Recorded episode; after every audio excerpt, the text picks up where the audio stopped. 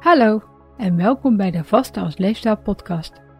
Mijn naam is Amanda Kortman, ik ben gewichtsconsulent en omdat er zoveel slechte informatie over vasten verspreid wordt, hoop ik het met deze podcast zo te verduidelijken dat voor iedereen kan werken. Je vast wanneer je langer dan 12 uur niks neemt wat vaste stopt, dus is makkelijker dan je denkt.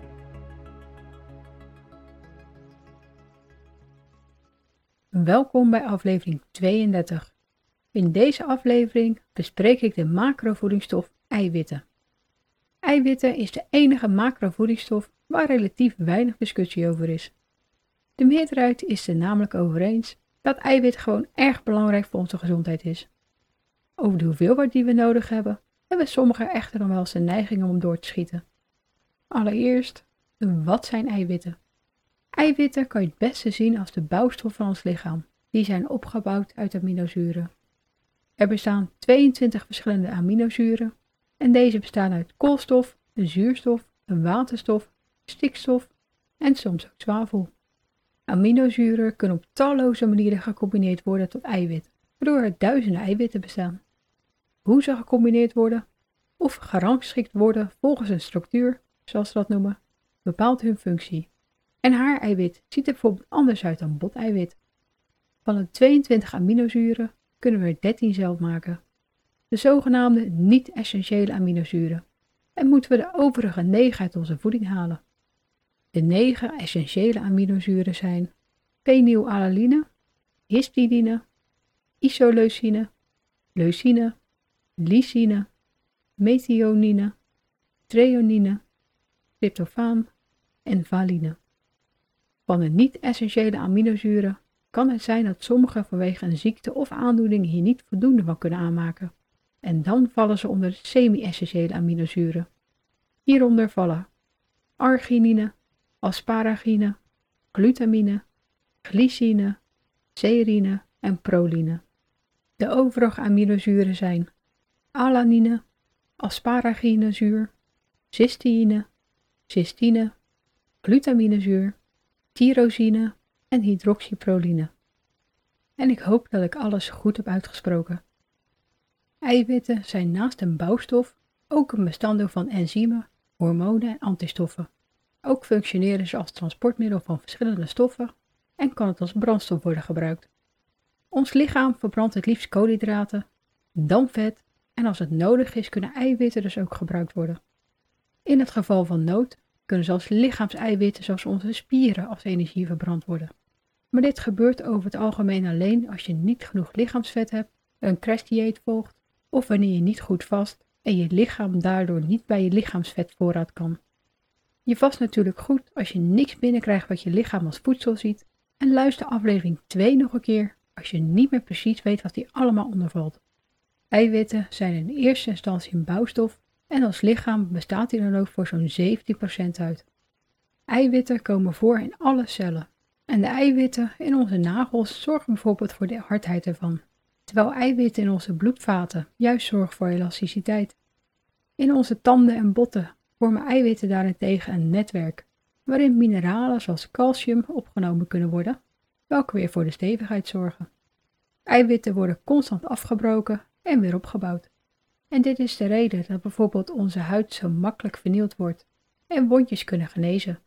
Autofagie speelt hier natuurlijk een belangrijke rol, aangezien dit recyclemechanisme ervoor zorgt dat defecte cellen en celonderdelen effectief vervangen kunnen worden, zoals ik ook in aflevering 15 heb besproken. Enzymen en hormonen worden opgebouwd uit aminozuren, waardoor ze belangrijk zijn voor onze spijsvertering en stofwisseling. En ook antilichamen hebben eiwitten nodig, waardoor ze zelfs belangrijk zijn voor onze weerstand. Het eiwitmanteltje wat nodig is om bijvoorbeeld cholesterol te vervoeren, zoals ik in aflevering 31 besproken heb, bestaat dus inderdaad uit eiwit. Maar ook een mineraal zoals ijzer kan zo makkelijk door ons bloed vervoerd worden. En als laatste kan eiwit verbrand worden als energie. En 1 gram eiwit bevat officieel gezien 4 kilocalorieën per gram. Maar zoals ik in aflevering 29 al vertelde, zit het dichter bij de 3, zodat bijna een kwart wordt verbruikt om ons lichaam te verwarmen. De vertering van eiwitten begint in onze maag en die worden ze grotendeels door een enzym genaamd pepsine gesplitst in kleinere deeltjes. Deze deeltjes noemen ze polypeptiden. In onze dunne darm worden nog niet gesplitste eiwitten en de polypeptiden afgebroken tot aminozuren, met behulp van de enzymen enterokinase en trypsine.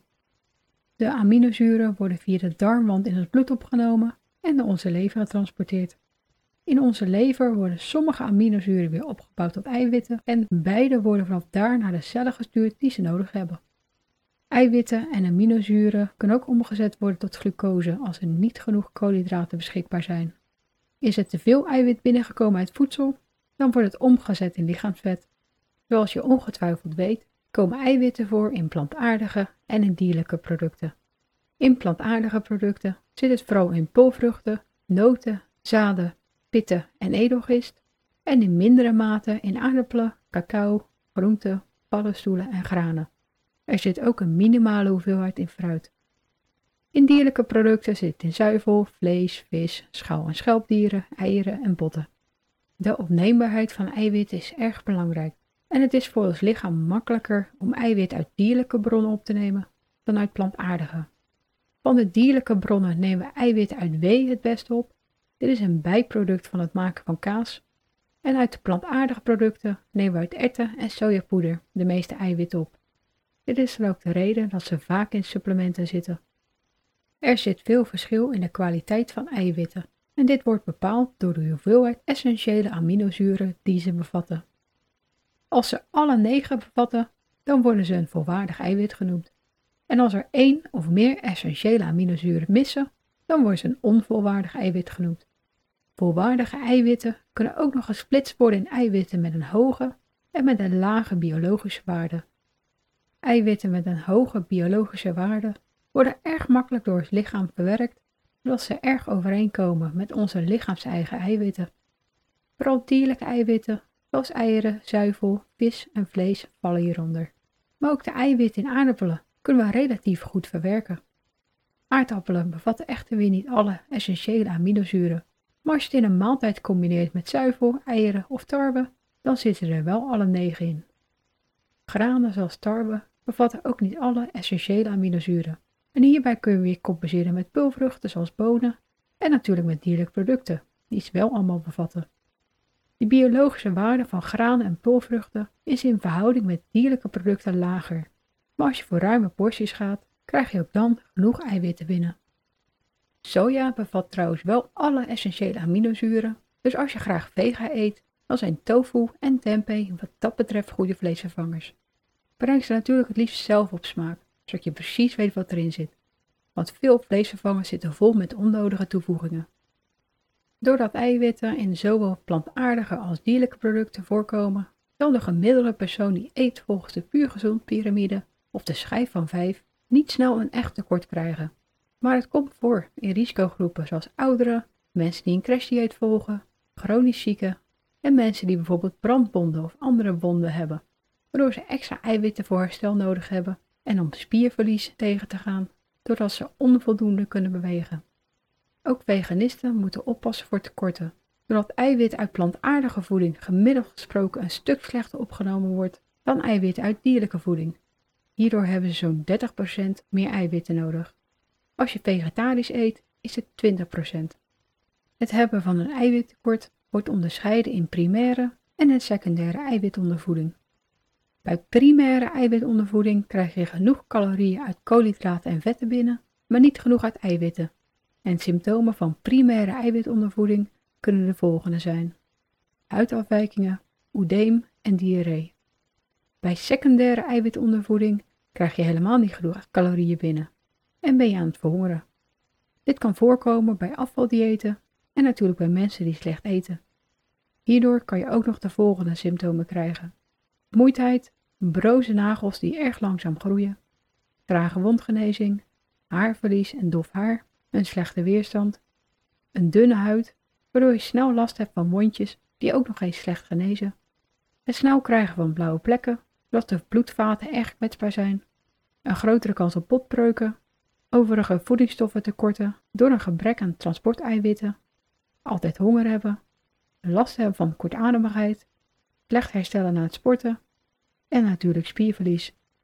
Deze symptomen kunnen natuurlijk ook hele andere oorzaken hebben, Dus het kan geen kwaad om voor de zekerheid een afspraak met je huisarts te maken als je je bekend voorkomen. Vooral als je zeker weet dat je voldoende eiwitten binnenkrijgt. Te veel eiwitten binnenkrijgen is trouwens behoorlijk lastig, doordat ze zo goed vullen. Maar voor mensen met nierproblemen kan dit wel een probleem zijn. Je nieren moeten dan gewoon te hard werken om de overtollige eiwitten uit te scheiden. En het kan zijn dat je het advies krijgt om minder dan 10% eiwitten per dag binnen te krijgen. Bij gezonde mensen zorgt een eiwitoverschot er eigenlijk alleen voor dat de eiwitten als lichaamsvetvoorraad worden opgeslagen. Het advies voor de gemiddelde volwassene tot 60 jaar is om minimaal 0,83 gram eiwitten per ideaal lichaamsgewicht in kilogram te eten. Dit is ongeveer 10% van wat je op een dag nodig hebt. Je ideale lichaamsgewicht wordt meestal berekend aan de hand van je gewicht bij een BMI van 22,5, hoewel sommige gaan voor iemands huidige gewicht.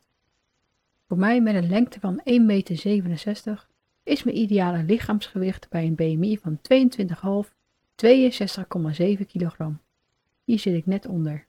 En heb ik volgens deze berekening minimaal 52 gram eiwit per dag nodig.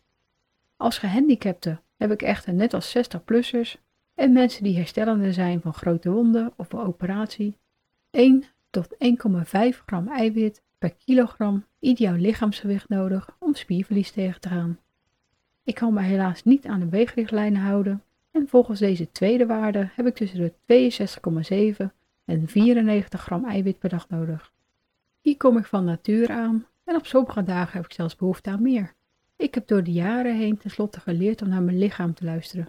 Dus als ik op een dag iets meer nodig lijkt te hebben, neem ik gewoon wat extra's tijdens mijn eettijd of is mijn eettijd iets langer. Sporters hebben ook meer eiwitten nodig. En duursporters kunnen het beste rond de 1,2 tot 1,4 gram eiwit per kilogram ideaal lichaamsgewicht gaan. Krachtsporters kunnen het beste tot zo'n 1,7 tot 2 gaan, maar ze gaan vaak boven de 2. Bodybuilders gaan soms zelfs richting de 4, maar de kans is groot dat dit onnodig is. Meer dan 2,2 gram eiwit per kilogram ideaal lichaamsgewicht lijkt voor velen namelijk al het maximum te zijn wat ze kunnen opnemen, dus de rest zal alleen maar opgeslagen worden als lichaamsvet. Hiernaast is het natuurlijk ook voor intensieve sporters en bodybuilders belangrijk om voldoende vezelrijke koolhydraten en natuurlijke vetten binnen te krijgen, dus je hoeft echt niet te overdrijven met je eiwitinname. Vanuit de puur gezond raden we al jaren aan om eiwit zo'n 20% van onze voeding uit te laten maken. Dit is ongeveer 1,7, wat ook binnen het advies valt van mensen die willen afvallen.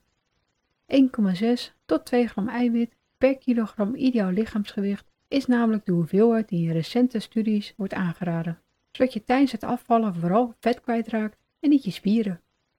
Voldoende bewegen en goed vasten helpen hier natuurlijk ook bij. En het 16-8 is niet voor niks erg populair bij sporters en afvallers, zoals ik ook in aflevering 10 heb besproken.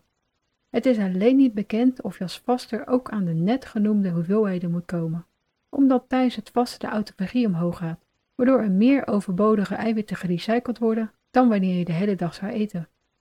Je hebt misschien wel eens gehoord dat we hooguit 30 gram eiwit per maaltijd kunnen opnemen, maar dit lijkt allemaal mee te vallen en hogere hoeveelheden kunnen in een kortere tijd gewoon worden opgenomen, zolang ze in echte maaltijden zitten. Zo zorgen vezels en vetten ervoor dat eiwitten langzamer afgebroken worden, waardoor ze gedurende een langere tijd beschikbaar komen. Je kunt ze dus makkelijk in twee of drie maaltijden binnenkrijgen. Veel vasters lijken trouwens niet aan de aanbevolen hoeveelheden te komen en bouwen toch makkelijk spieren op, terwijl ze afvallen. En dat terwijl ze vaak niet eens intensief sporten.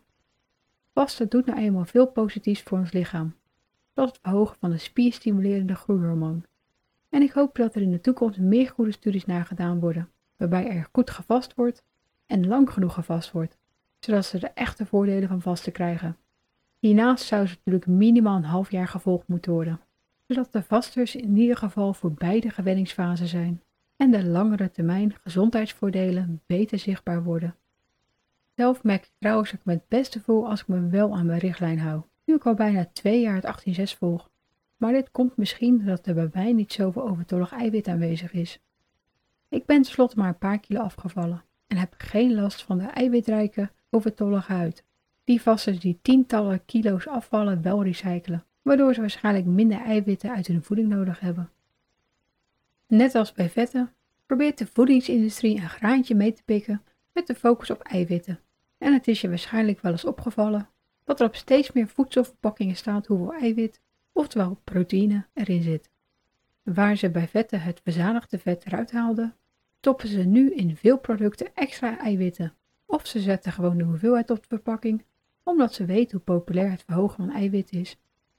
Typ het woord eiwitrijk maar eens in op de website van bijvoorbeeld de Jumbo of Albert Heijn en je komt van alles tegen. Eiwitrijke producten zijn dus erg populair. Dit is op zich logisch, dat ze goed vullen en meer dan half Nederland het hoog vetgehalte heeft. Maar dat komt natuurlijk ook omdat het erg populair blijft onder sporters en we door het internet makkelijker dan ooit informatie hierover kunnen opzoeken. Maar, zoals je net al hoorde, bevat veel gezonde voeding zonder toevoegingen, van nature al eiwitten, en worden overtollige eiwitten alleen maar opgeslagen als lichaamsvet. Het is daarom niet nodig om voor de speciale eiwitrijke producten te gaan. Zelfs eiwitshakes zijn voor de meeste sporters onnodig en ze bevatten vaak veel onnodige toevoegingen. Als je toch meer nodig hebt, kan je beter gaan voor geconcentreerde eiwitpoeders die geen ongezonde toevoegingen bevatten. Zo kan je whey in pure vorm kopen en zijn bijvoorbeeld 100% pure erwten- en sojapoeders goede opties als je dierlijke producten liever vermijdt of een lactoseintolerantie hebt. Het allerbeste is en blijft natuurlijk om je eiwitten gewoon uit echte voeding te halen. En bijvoorbeeld je porties magere zuivel en gevogelte, eieren en bonen te verhogen. Neem ook dagelijks een handje noten, zaden of pitten. Deze bevatten niet alleen eiwitten, maar ook gezonde vetten en belangrijke vezels. Zo bevatten amandelen per 100 gram 25,8 gram eiwit. Dit is per handje alsnog 6,5 en 8,3 gram vezels. En kidneybonen bevatten per 100 gram 7,7 gram eiwit en 5,7 gram vezels. En hoewel ik in aflevering 31 al vertelde dat het verzadigde vet uit volle zuivel geen probleem voor onze gezondheid is, kan je beter voor de vetarme varianten gaan als je je eiwitinname wil verhogen. Als het vet eruit is gehaald, zullen ze verhoudingsgewijs tenslotte meer eiwit bevatten. Zo bevat volle Griekse yoghurt 3,4 gram eiwit per 100 gram, maar de vetvrije variant 6 gram. Bijna dubbele dus. Magere kwark bevat zelfs 9 gram eiwit per 100 gram en volle alsnog 7,6. De IJslandse skeer is natuurlijk de topper wat betreft zuivel en deze bevat zelfs 11 gram eiwit per 100 gram. Maar je moet natuurlijk vooral gaan voor wat je lekker vindt en waar jij je het beste bij voelt. Ik hoop dat je nu wat meer weet over eiwitten en dat je er extra op let als je wilt afvallen, chronisch ziek bent, een dagje ouder bent, veel sport of wanneer je vega eet. Overdrijf er echter niet mee, want dan wordt het alleen maar opgeslagen als lichaamsvet. Sowieso zijn veel producten die aangeduid worden als eiwitrijk erg bewerkt, waardoor je veel onnodige toevoegingen zoals suiker, zoetstoffen, vetten en hulpstoffen binnenkrijgt, waarvan de gezondheidseffecten nog steeds onduidelijk zijn. Controleer daarom altijd het etiket, zodat je weet wat je binnenkrijgt en hou je eiwitten zoveel mogelijk uit echt voedsel. Ik wil je aanraden om eens een weekje bij te houden hoeveel eiwitten je nu binnenkrijgt, zodat je weet waar je aan toe bent. De kans is groot dat je al genoeg binnenkrijgt, maar je weet maar nooit. En misschien kwamen een aantal van de tekortsymptomen je wel bekend voor. En over tekorten gesproken, in aflevering 33 bespreek ik de microvoedingsstoffen, vitamines.